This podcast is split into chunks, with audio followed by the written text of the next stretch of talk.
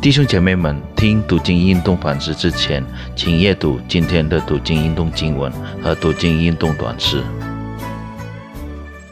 主内弟兄姐妹平安，我们感谢上帝，仍然可以再次聆听并思想上帝的话语。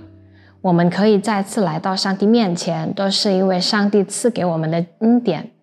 我们来以谦卑之心来恳求上帝带领我们灵修的时间。我们来祷告，天父上帝，我们满心感谢你赐给我们的机会，再次聆听你的话语。求你赐给我们一颗谦卑之心，来顺服你的话语，好让我们醒出来，在我们生活当中。感谢赞美你，奉耶稣基督的名求，阿门。主内弟兄姐妹，我们今天的主题是上帝掌权。子民中心。今天的阅读经文取自于但以理书第一章。我们你们可以把整篇的但以理书第一章读完。我现在给大家读一段第十四到十七节。委办便允准他们这件事，试看他们十天。过了十天，见他们的面貌比用王善的一切少年人更加俊美肥胖。于是，委办撤去派他们用的膳、饮的酒，给他们蔬菜吃。这四个少年人，神在各样文字、学问赐给他们聪明知识。丹尼里又明白各样的意象和梦兆。大约主前五百八十七年。巴比伦王尼布甲尼撒围攻摧毁耶路撒冷城，上帝的殿也被粉碎，上帝殿的器皿被带到巴比伦神明的庙中。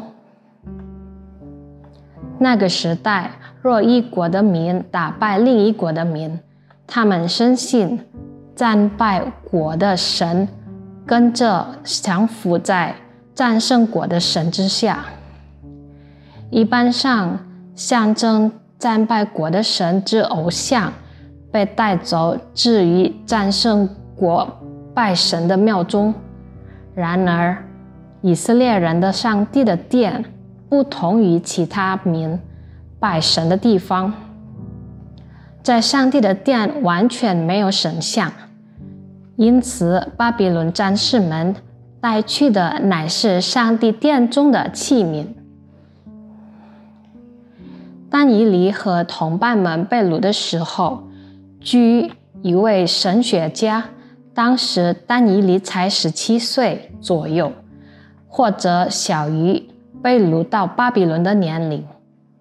在巴比伦地，丹尼里接受很好的教育，但是他获得知银时，按照律法。属于不洁净之类，是犹太人被禁止吃的。敬畏上帝的丹尼里立志不玷污自己。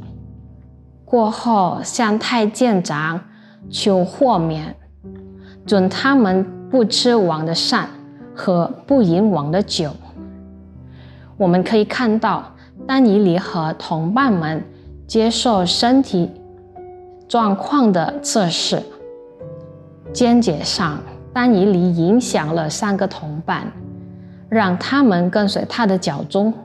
丹尼里坚定的心智结出了善果。此善果不仅是靠他们自己的能力，而是由于上帝赐下的恩典。上帝的恩典使丹尼里在太监长眼前蒙恩惠，受怜悯。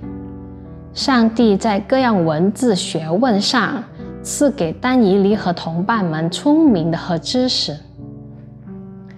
上帝不曾失败过，他主宰和掌权，祝福忠心的子民。